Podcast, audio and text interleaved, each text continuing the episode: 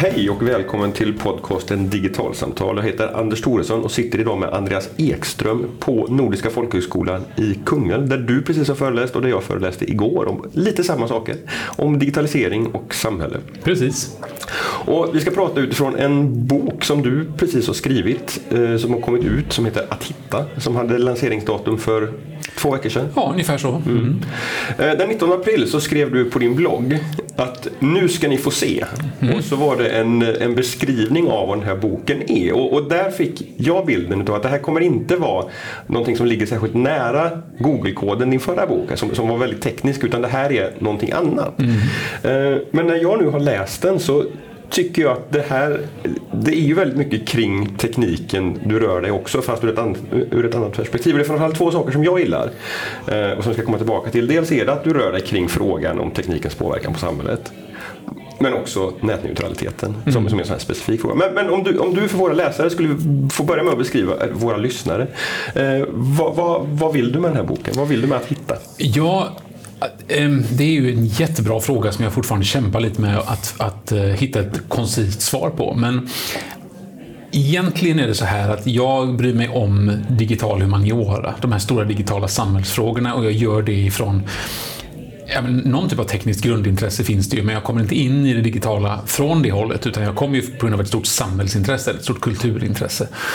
Och vart man än tittar så påverkas detta av digitalitet på olika sätt. Så har jag då under många år nu då sagt nej helt enkelt när min förläggare har sagt att du borde skriva en bok till som handlar om detta. Och anledningen till att jag har sagt nej är att det är helt enkelt väldigt svårt att skriva någonting som är levande om digitala saker, om informationsteori. Nu råkade jag hitta en idé som gav mig utrymme att känna att jo, men det där skulle nog faktiskt någon kunna tänka sig vilja läsa och jag skulle kunna tänka mig att skriva det om jag får göra det på det här sättet. Så här har vi alltså ett sätt där jag, jag leker med hitta-begreppet. Eh, jag pratar med människor som är experter på kartor. Jag pratar med eh, kulturutövare, eh, musiker, författare om hur man hittar originella uttryck konstnärligt. Och så har jag ett väldigt personligt sista kapitel som heter Att hitta en ny lever eftersom jag har en leversjukdom och kommer att behöva genomgå en transplantation inom inte alltför avlägsen framtid. Jag mår alltså alldeles utmärkt men vi kommer dit här. Och om jag växlar då som jag gör här i, i sex kapitel mellan vad som kan vara digital teori och, och mycket, mycket fysisk, humanistisk, levande frågor kring hitta-begreppet så kommer jag möjligen att få syn på någonting annat mer spännande, nämligen en mänsklig ursträvan. En, en sorts grundvilja att lägga kunskap till kunskap, att hitta sammanhang, att hitta eh, skydd, att hitta mat, att hitta nya vägar fram på alla dessa olika vis. Och det blir bara så väldigt tydligt, i alla fall för mig, att när vi är mitt i den digitala revolutionen då blir den här frågan så stor. Så att det är bara ett sätt för mig att få ställa svåra frågor om den digitala omställningen. Det är inte ett sätt för mig att leverera några säkra svar om den, utan jag får, jag får ett utrymme, eller tar mig ett utrymme att placera några, några svåra frågor i, i läsarens medvetande. Och jag är så glad för de första vännerna och de första recensionerna och så som har hört av sig, som har läst och som ser saker eller frågar saker eller tycker saker som jag inte kunnat förutse. Därför då, har, då kommer jag tillbaka till det du nu frågade om, nämligen vad är tanken då, eller vad är syftet med detta? Så här, men om vi bara kan prata bättre om detta, om vi bara kan fråga bättre om detta, då kan vi komma någon vart.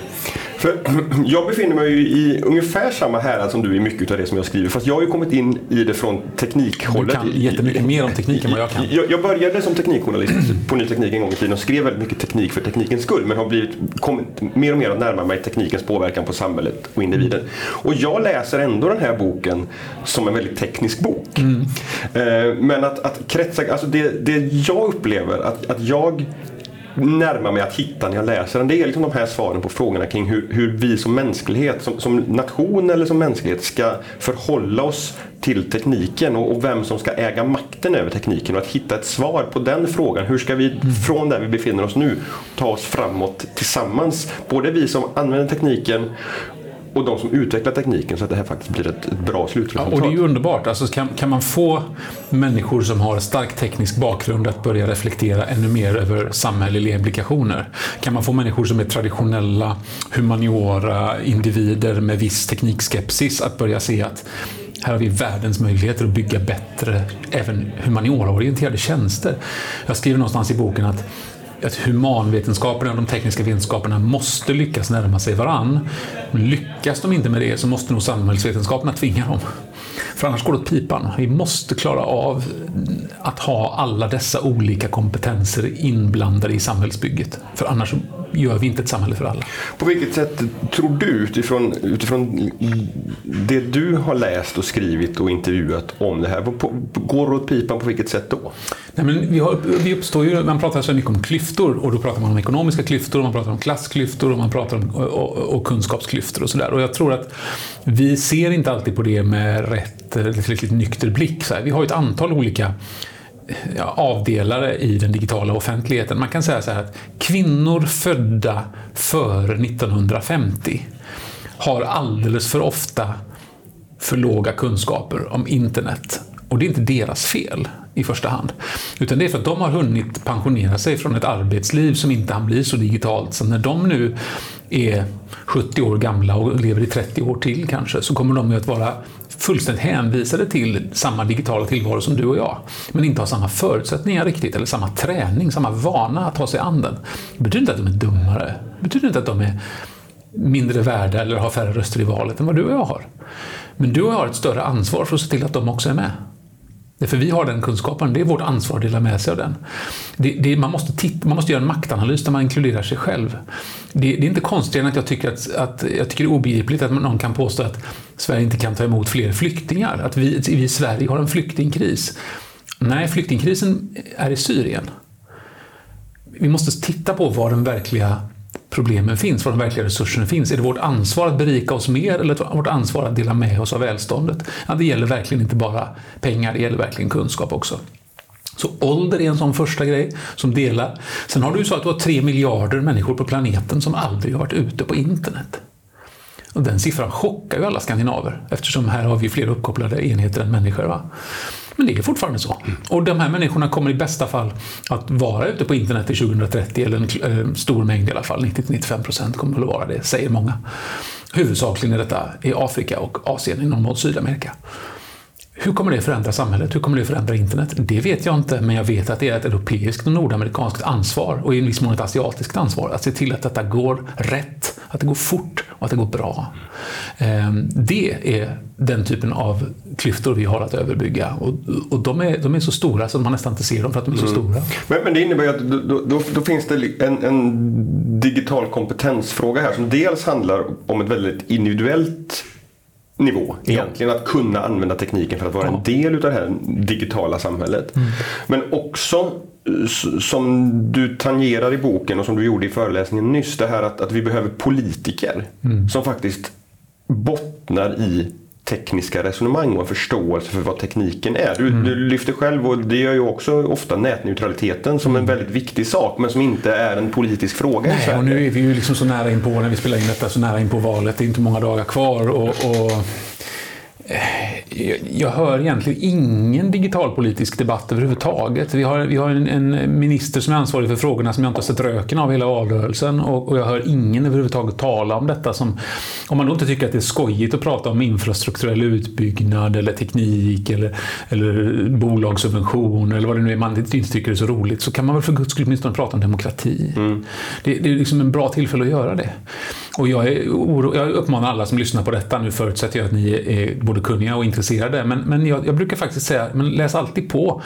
Titta, titta på Wikipedia-artikeln om nätneutralitet, den är inte så dum. Eller tvärtom, den är bra, den är korrekt, den är kort, den är koncis, vem som helst kan förstå den. Sprid den länken, det är en viktig, det är en viktig artikel på Wikipedia som förklarar den här grundläggande principen och där man lätt förstår varför, aha, det här är inte bara någonting som vi måste ha för att garantera att småbolag kan konkurrera. Det är någonting vi måste ha för att internet ska förbli demokratiskt och inte styckas upp till något satans kabel-tv, mobilabonnemang, moras va? som vi inte vill ha. Mm.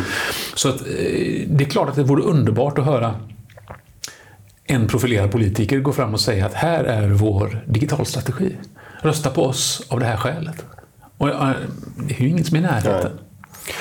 Nej. Eh, jag har precis eh, gjort research för en, för en artikel som jag lämnade häromdagen som handlar om hur Sverige förhåller sig till artificiell intelligens som, som nation. Vad, vad, vi behöver göra för att dra nytta utav AI och, och hantera de risker och problem som finns. Och i, I den researchen så, så, har jag flera gånger stött på ett resonemang, dels från Future of Humanity Institute vid Oxford, in, eh, eh, Oxford universitetet. Jag hörde det i ett, i ett seminarium i Almedalen i somras. En, en, en rädsla för att okunskap om tekniken och teknikens konsekvenser kommer få politiker att bli väldigt eh, begränsande i, den, i de lagstiftningar som finns. Att, att, man kommer bromsa tekniken därför att man inte förstår den. Medan vi i själva verket behöver mer av den här tekniken för att lösa frågor som klimatproblematiken och så vidare. Mm. Jag som kommer från det tekniska hållet kan, kan, kan känna att det ligger väldigt mycket i de resonemangen. Vad, vad, vad känner du som kommer in i det liksom från ett annat håll? Nej, men jag, därför måste jag nog bara, tråkigt nog, för diskussionen skulle bara hålla med dig. Alltså det, vi har Kunskapsbrist är alltid ett problem. Och det är det ju för dig och mig med. Det är ju liksom, det är ständigt så att man, att man känner att det är mer saker man borde veta, det är mer saker man borde läsa och ha koll på. Man får bara jaga på så gott man kan. Um, och det är klart att det är ett, problem om, om, våra politiker inte fullt ut förstår. Och det har man ju sett några gånger så här på EU-nivå när man, de vill gå in och reglera väldigt hårt eh, mot amerikanska bolag och så där känner man att vänta nu, förstår ni riktigt så här, det här olycksaliga förslaget om om, om eh, Google News då skulle kosta, alltså så att man, ja, men ni visar tre rader ur olika nyhetstjänster och därför bör ni betala för detta. Så jag är inte säker på det. Man kan nog lika gärna hävda att den trafiken som Google News skickar till de här sajterna är värd, det kan väl i alla fall udda få vara jämnt då. Va? Jag är inte säker på att det är en konstruktiv väg framåt, eller jag är rätt säker på att det inte är det. Och så jag har också avrått tidningsutgivarna i ett, ett remissvar till dem att de försöka driva den linjen och sådär. Um, ehm, och jag tror att vi har två stora kulturer som står mot varandra egentligen. I USA tittar man på samhällsproblem och så vänder man sig till Elon Musk för att få dem lösta. Eller till Steve Jobs på, på, sin tid, eller, eller till Henry Ford på sin tid. Och så säger man, här har vi en entreprenör som löser detta bra och då ska vi skapa förutsättningar för den entreprenören, den här företagaren att skapa det. Så det blir bra, alla blir nöjda och det funkar. Det så. Och ska staten in och beskatta, reglera eller stoppa det där så blir vi misstänksamma. Det är det amerikanska perspektivet. I Europa så säger vi så här, ja, men nu har det gått, någonting gått för långt. Nu måste vi samla oss kring detta. Nu måste, vi, nu måste politiken ta makt. Eh, beskatta, bötfäll, stoppa, reglera. Vi blir lite misstänksamma när, när storbolag äger för mycket eller gör för mycket och särskilt om de inte är europeiska. Ingen av de här synsätten är tillräckligt helhetliga. Och vi har haft då en, en, en teknikfrälst period, inte minst i Europa, där vi nu ser pendeln slå tillbaka. Det är rimligt att vi också är kritiska eftersom vi måste kritisera makten, men det är en grundläggande uppgift för både dig och mig. Vi är journalister. Det räcker att man går in i ett omklädningsrum efter en fotbollsmatch. Vem har makten här? Det är tränaren. Alltså frågar vi honom varför tog du ut de, de spelare du gjorde? Varför blev det så här? Det är ansvar kopplat till makt. Det är jätteenkelt. Det gör vi i kommunfullmäktige, det gör vi i tingsrätten, det gör vi överallt. Eh, så den delen är inte konstig. Men, men eh, när vi nu försöker hitta någon sorts gyllene medelväg här så gäller det att, att se till att, vi, att Sverige då behöver en digitaliseringspolitik, eller Europa behöver en politik kring detta som samtidigt lyckas säga Bra, du har en idé, kör. Du ska inte, det ska inte få för mycket hinder i vägen för dig. Det ska vara lätt för dig att anställa. Det ska vara lätt för dig att få duktigt folk som kan jobba i Sverige med att programmera åt dig på ditt sätt. Allt det där måste finnas på plats och vi ska ha infrastruktur för det och vi ska ha utbildningar för det. Men samtidigt kan vi inte säga att på den heliga digitala tillväxtens altare så ska vi offra alla människors integritet. Eller vi ska outsourca sånt som borde vara grundstatliga uppgifter, som till exempel att utfärda legitimation och identitet för medborgare, ska läggas ut på, på privata aktörer. Därför det är nämligen principiellt fel av andra skäl.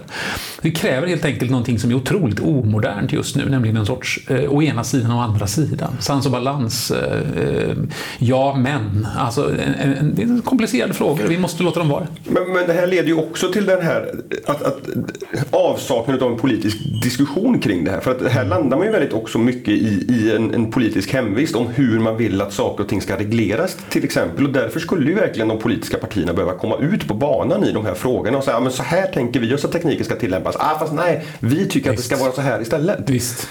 Men det är ju, det är, det, problemet är också om, om vi drar iväg till det en liten stund, men det kan vi unna oss för det här är din podd och vi får göra vad vi vill. Um, jag tänker ibland på, jag tycker ibland så synd om Centerpartiet. För Centerpartiet försökte för, kan det vara, fem år sedan någonting sånt där, så lanserade de ett idéprogram som skulle handla om ett framtida Sverige. Väldigt lång vision. Alltså det var egentligen inga skarpa förslag, utan man tänkte men så här kanske vi skulle kunna ha det. Och det här kanske vi skulle behöva förändra. Och det innehöll väldigt fritänkande. Man tänkte högt helt enkelt om politik. Man sa inte nu gör vi så här, men man sa det borde nog vara rimligt att vi rör oss hitåt. det, var som ett, det var som ett stort, liksom, djupt andetag av frisk luft. Att det fanns ett politiskt parti som, som vågade och ville tala visionärt om politik. Hur hanterade svensk offentlighet detta? Jo, de slog ner på en mycket, mycket liten detalj, nämligen att Centerpartiet hade sagt att familjebildningar kanske inte måste se likadana ut juridiskt som de alltid har gjort. Ja, då hette det Centern är för månggifte.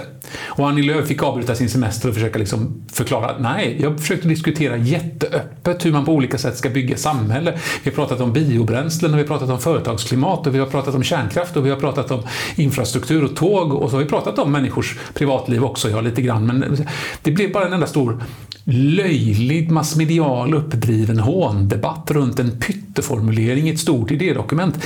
Rimligen måste alla partistrateger efter det ha sagt att det är bäst att vi inte pratar i så visionära termer. Mm. Det är bäst att vi gör, kommer med en valfläskgrej om en extra, några extra lediga dagar för barnfamiljerna en vecka före valet. Ursäkta men det är inte mycket till vision. Så vi har ju verkligen misslyckats journalistiskt och i samhället med att premiera det öppna tänkandet. Och så länge vi beter oss så föraktfullt mot det öppna tänkandet eller det förutsättningslösa prövandet och ska slå ner på detaljer i det eller omedelbart säga hur ska det finansieras då? Men vi pratar inte riktigt om det just nu. Vi pratar om Sverige 2050. Mm. Vi pratar om ett land som kanske kommer att vi kanske kommer att få en 700 miljoner klimatflyktingar i några år när stora delar av jorden blir obeboelig. Hur skulle ett Sverige med 100 miljoner invånare se ut? Det är en visionär fråga. Hur bygger man det? Kan man det? Ja, vi kanske måste. Då kan vi ju snacka om 163 000 asylsökande hösten 2015. Då har man inte tänkt tillräckligt stort för att förstå vad som behövs för att människor ska överleva och för att vi ska få ett samhälle som ser ut på ett helt annat sätt.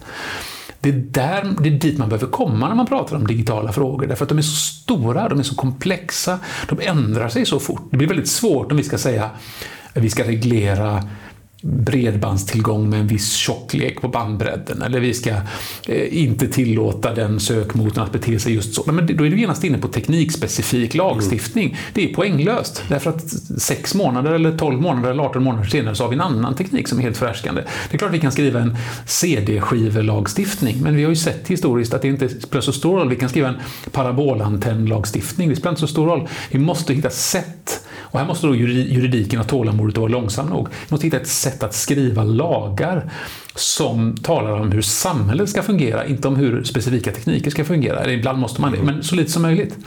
Eh, då kanske vi kan komma dit här att vi får en, en liksom politisk visions eller idédebatt. Men skulle man anordna liksom så här, sju sakpolitiska debatter om viktiga frågor, så här, man skulle räkna upp sju som vi behöver prata om, så här, arbetslösheten, skattepolitiken, eh, försvarspolitiken, så här, då ska ju digitaliseringen såklart vara en av de sju. Mm. Men det tror jag aldrig det skulle bli om någon en debatt med sju frågor.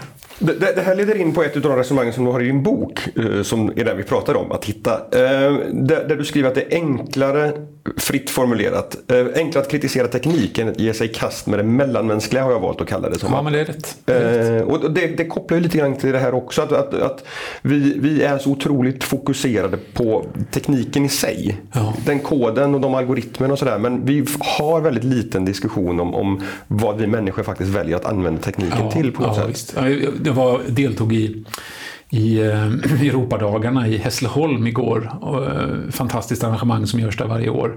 Där man diskuterar politik på olika nivåer. Och, och bland annat så samtalade jag med den, den otroligt skarpa Amelia Andersdotter som ju var Europaparlamentariker i många år. Och som, som är för övrigt för mig obegripligt att inte alla partier slåss om att ha i, sin verksamhet så sakkunnig och så engagerad på rätt sätt i de här frågorna.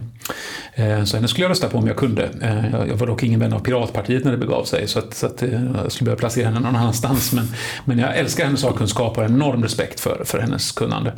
Och i det här samtalet så, så bjöds det in några studenter som fick ställa frågor till oss. Och det var, då var en av dem inne på just det här som du är inne på nu, så att säga. Vad, vad, vad går då gränsen? Så här, vem har ansvaret så här, för hur, om vi nu har problem med hate speech på Twitter, vems fel är då det? Eller fake news någonstans, vems fel är då det? Och det är klart, då börjar man alltid så att om någon i Ryssland planterar fake news för att påverka valet, då är det alltid den personens fel. Det är den som gör det som är ansvarig för det, naturligtvis. Men sen så spelar det roll vilket ansvar som Twitter tar för att ge det utrymme. Sen spelar det roll för vilket ansvar jag tar för vad jag väljer att läsa och vilket ansvar jag tar för vad jag väljer att sprida och vilket ansvar jag tar för att polemisera och, och, och upplysa människor i min närhet om jag råkar veta någonting. Eh, sådär. Så att svaret är, vem, är det de eller de eller de eller de? Frågade hon och sa ja, är mitt svar på den frågan. Det är alla. Och jag, jag är inte alltid så hoppfull när det gäller alltså lagstiftningsarbete, därför att jag tror nämligen att vi behöver ha ett globalt internet. Och då måste lagar gälla överallt och vara ungefär likadant skrivna. Precis som jag tror att vi måste ha en global skattereform på det sättet. Jag tror att vi måste ha ungefär samma bolagsskatt över hela världen. Annars kommer du ha de här räntesnurrorna och så kommer det ett fåtal superrika och blir rikare och så får du till slut revolution så faller systemet. Det går inte. Vi måste liksom ha global skattereform, vi måste ha global digital politik. Det är väldigt svårt. Det är väldigt svårt att liksom enas om lagtext utifrån olika, men jag tror det är dit vi måste röra oss. Och då är jag kanske ännu mer lite hoppfull om att vi ska kunna lyckas med global normbildning innan vi lyckas med global lagstiftning. Mm -hmm. Därför vi är nämligen överens om i hela världen om att om man möter en främmande människa på gatan så lappar man inte till vederbörande ansiktet. Det gör man inte i någon kultur. Och då ska man inte göra det digitalt heller. Det, det, är en enkel grej. Det är en norm som hela mänskligheten bär på. Ja, den, den är enkel. Så skruvar du upp svårighetsgraden på det. Steg efter steg, steg för steg. En liten grad i taget. Tills vi lyckas hitta någonting som liknar en digital allmänningsnorm som har bättre förutsättningar att skydda ett öppet och demokratiskt internet kanske, än vad en alltför hård reglering och lagstiftning har, som ändå blir föremål för kompromisser och behöver ta hänsyn till bolagsintressen och så på ett annat sätt som kanske inte blir bra. Sen vet vi ju alla att vi kommer i konflikt med varandra för att vi har olika värderingar. Det kan ju, det kan ju räcka att du håller på två olika fotbollslag och bor i samma stad så kan du komma i konflikt med varandra för att du har olika värderingar eller olika normer för hur man gör saker. Det, så där är det, men det, det är vad det vill säga att vara människa och det kan inte få avskräcka oss. Du, menar du att du är hoppfull för att vi faktiskt skulle kunna, kunna liksom komma framåt i ett, i ett sånt? För, för, för en utmaning här är ju också att teknikutvecklingen går så snabbt. Ja, ja men jag är i alla fall mer hoppfull om det mm. än att en lagstiftningsväg ska vara det som löser detta. Men vi behöver ju både och naturligtvis. Mm. Det är aldrig det ena eller det andra. Men jag tror man, man ska inte underskatta eh, normbildningens kraft. Jag tror att vi kommer att kunna eh, kulturellt enas ganska fort om ganska många, mycket bra saker. Man ser ändå rätt så fort efter något decennium att amen, det här passar inte och det här är jobbigt. Och, det här är bra och det här tycker vi inte. Och nu börjar ju ändå det finnas någon typ av seriösa debattörer börjar ändå se att menar, det, det, är egentligen ganska få människor som ifrågasätter att en mobiltelefon, en smart, eller rättare sagt uppkopplad mobiltelefon med en pekskärm, har en särskild typ av lockelse på vår hjärna. Mm.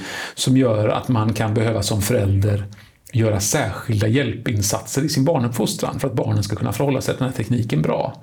Det var inte, förr hette det ja men så sa folk alltid om serietidningar förr och böcker också. Nej men det är inte en tillräcklig jämförelse. Nej. Det är inte det och det finns forskning som understödjer det nu. Och då kommer man dit att man, att ja, men långsamt så förskjuts detta och så säger man att ja, vi lär våra barn att de ska säga eh, tack när de får någonting och att de ska sätta händerna före maten och vi lär dem hur de ska förhålla sig till sina skärmar. Eh, och där, där börjar det finnas en, en, en, allt mer en konsensus att vi behöver ha någon typ av aktivt mm. förhållningssätt till detta, som, för det går att jämföra med mm. andra grejer. Och då, då tänker jag ändå att ja, men det rör sig. Det rör sig faktiskt. Mm. Det rör sig och jag tycker att medvetenheten, jag märker det när jag är ute och pratar inför sällskap som det här, eh, det här idag, på den här konferensen i Kungälv och, och i andra sammanhang. Jag märker på kvaliteten i frågorna jag får.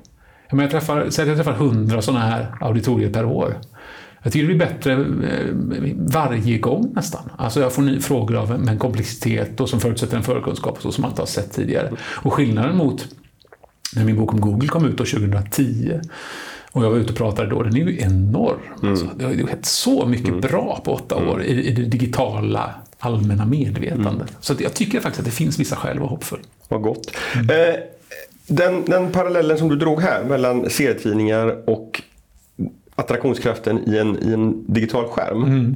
Du pratar om det och, och skriver kanske om, om det också. Att, att, du är rädd för de här analoga parallellerna och mm. analogierna mm. som faktiskt inte gäller längre. Därför att du har, du har en hävstång och du har en skalbarhet och du har en autom automatisk liksom, aspekt i den digitala tekniken. Men ändå så vill vi hela tiden famla efter ja, att, att förankra våra resonemang i hur det var i, den analoga. Ja, och det, jag gör ju det hela tiden också för att försöka få någon rätt sida på saker och ting. Va? Eh, men det är ju delvis det jag gör med det här bokprojektet också. Jag menar, att, att jag försöker att se vad det betytt för oss historiskt att, att, att hitta i mm. filosofisk mening, i mm. praktisk mening och vad betyder det nu och, och, vilka principer förändrar detta i människan. Så det är ju egentligen en sån övning i alla fall. Men jag, jag tar ett enkelt exempel. Då, så här, man säger så här, ja, spam är ett problem. Nu filtrerar vi bort mycket spam idag i vår e-post, men spam är ett problem. Långt över 90 procent. Vissa säger att det är uppåt 99 procent av all e-post som skickas i världen är spam. Jaha, men var det inte så förr också då? Var det inte så att vi fick massa adresserad reklam i brevlådan hem som vi inte hade beställt? Jo, så var det förr. Men på den tiden kunde du inte skicka 10 miljoner försändelser för några hundra spänn. Det fanns en naturlig analog spärr, en mm. kostnadsspärr, en trycksaksspärr. Nu finns inte den. Och då blir inte parallellen relevant helt enkelt. Du kan inte jämföra oönskad adresserad reklam med spam längre. Det är klart att det är i någon, i någon filosofisk mening samma fenomen, men, men storleken och skalbarheten, hävstången, precis som du sa, gör att detta tappar relevans som mm. jämförelse. Och då tror jag att ska vi lyckas att hitta den där storslagna ambitiösa förhållningssättet, liksom, språket för detta, då måste vi släppa den där parallellen ibland och säga att, vet du vad? Ja, det var lite sådär förr, men nu är det en ny situation. Låt oss ge oss i kast med detta som en ny situation mm. som kräver ett nytt språk, som kräver nya metaforer, mm. som kräver ett nytt det frigör oss hur vi tänker. Mm. Om vi låser fast för mycket i det så, så blir det genast svårt. Men jag gör det misstaget, eller jag är tvungen att göra det. Ofta, va? för att jag, jag tappar också orienteringen mm. annars. Du använder ett citat från Clay Shirky både i dina föreläsningar och i din, ja, din bok. Jag ofta honom. Han är ja. en fantastisk eh, skribent och tänkare tycker jag. Getting organized just got easier. Ja, precis. Som lägger grunden för väldigt många av de tjänster som vi ser. Airbnb och Uber mm. använder du som exempel. Stora organisationsproblem ja. som löser smart. Liksom. Det här handlar ju väldigt mycket om en, att nätet digitaliseringen bidrar med en minskad friktion. Och en tanke som jag gick ifrån med, från din lanseringsföreläsning i Göteborg. Det var liksom ett tankefrö som jag tror att jag har stött på tidigare. Och det handlar ju just om att nätet minskar friktionen. På gott på många olika sätt. Men att det kanske i vissa fall finns tillfällen där vi kanske borde införa någon slags artificiell konstgjord friktion igen för att, för att sakta ner vad digitaliseringen gör möjligt i, i form av att inte så lätt kunna publicera oss på, på, på, på Twitter utan att mm. ha tänkt efter först kanske. Jag vet inte. Det klassiska äh, alko, alkolås på Twitter. Ja, men, men, men vad, vad, vad, vad, tänker du om det? Liksom fri, fri, friktionen och den minskade friktionen. Är, är, är, är det ett sätt att liksom på något sätt fånga in vad ja, det handlar om? Det kan det vara, men det kräver, människor som, som vill ha en sån sak för sig själva, de måste ha en ganska hög nivå av självinsikt. Så de är nog rätt sällan problemet de, de mm. själva. Va? Mm. Alltså personer som tänker att det är nog bra om jag har lite friktion här, de har nog redan lite friktion mm. i sina publiceringar. Men jag tänker att vi kanske borde bygga in, bygga in det i, i teknik. Alltså, ja, i tekniken, ja. ja,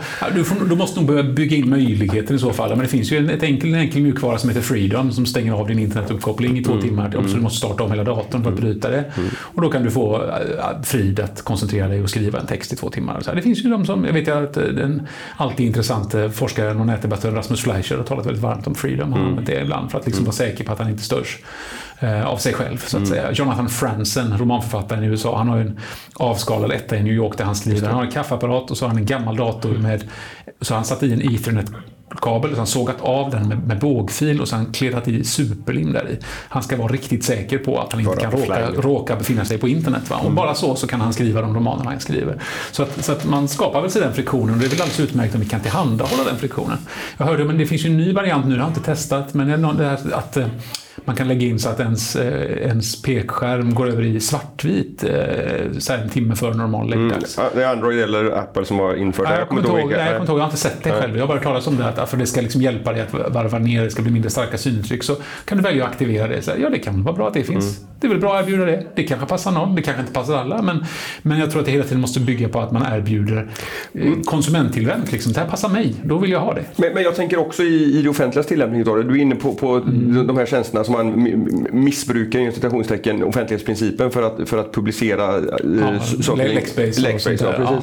Det är inte avsett för det och det är klart att vi får ett problem där. Alltså, om, bus, om det blir buskörning av offentlighetsprincipen mm. så får vi aldrig behålla den.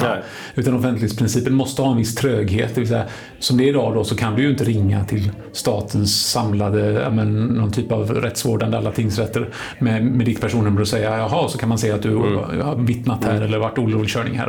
Utan du måste ringa till de olika mm. rättsinstanserna och det är lite mer tidskrävande, lite mm. svårare. Så det är offentligt men det är lite trögare. Så alla förundersökningar ligger inte ute online. Därför att du, du ska skydda integritet men det ska vara offentligt. Och den där typen av kompromisser passar dåligt med det binära tänkandet som genom, genomsyrar samhällsbygget nu. Är det ja eller nej? Är det av eller på? Är det svart eller vitt? Är det öppet så kan det väl lika gärna vara på internet? Nej, vet du vad? Det är inte säkert. Utan det kan finnas vissa saker som helt enkelt inte passar sig för digitalitet. Och det är också nytt. För nu, nu är också alla helt överens om att vi för guds skull inte ska ha internetbaserade val. Att du ska inte kunna rösta online. Och det säger ju till och med de mest teknikkunniga och teknikfrälsta. Nej, men det där är för farligt. Vi kan inte, det, ska vi nog fortsätta göra med valsedlar. Så här. Men det är faktiskt banbrytande att få höra de allra mest teknikkunniga och teknikfrälsta säga det med kraft. Nej, det, där pass, det är det som vi kan, det som förändrar hela världen. Det ska vi låta bli på just den här punkten. Mm. Tack för den ödmjukheten och den insikten. Den och, är viktig. Och den, ja, för den är jätteviktig. För, för det handlar ju också om att, för, för ett av argumenten handlar ju om att då försvinner valhemligheten bland annat ifall Just. du kan rösta hemifrån. Och det är också en jätte, jätteviktig insikt att ha. Ja. Det, det, finns tekniska problem som du kanske kan lösa mm. om du skulle kunna bygga ett säkert elektroniskt valsystem. Mm. Men det är ju inte säkert att den konsekvensen i andra och tredje led, att du är beredd att acceptera den. Och det innebär att du måste ju ha en förståelse för att kunna tänka liksom bortom den tekniska lösningen. Nämligen vad gör tekniken med samhället? Mm. Verkligen. Verkligen. Men vi, jag, tror, jag tror ändå att vi, att vi rör oss ditåt. Jag tycker jag ser så mycket positiva tecken, även om det inte, man kan bli frustrerad över ja, men så här, bristande politiskt engagemang på individnivå, en osynlig ansvarig minister och alla de här sakerna. Så, så jag upplever ändå en, en helt annan agens för, för frågans egen kraft nu. Ehm, det gör jag. Då tycker jag vi rundar av samtalet med en, den positiva tanken. Ja, vi måste stanna i den när den dyker upp här. Tack för att du var med i Digitalsamtal Andreas. Tack ska du ha.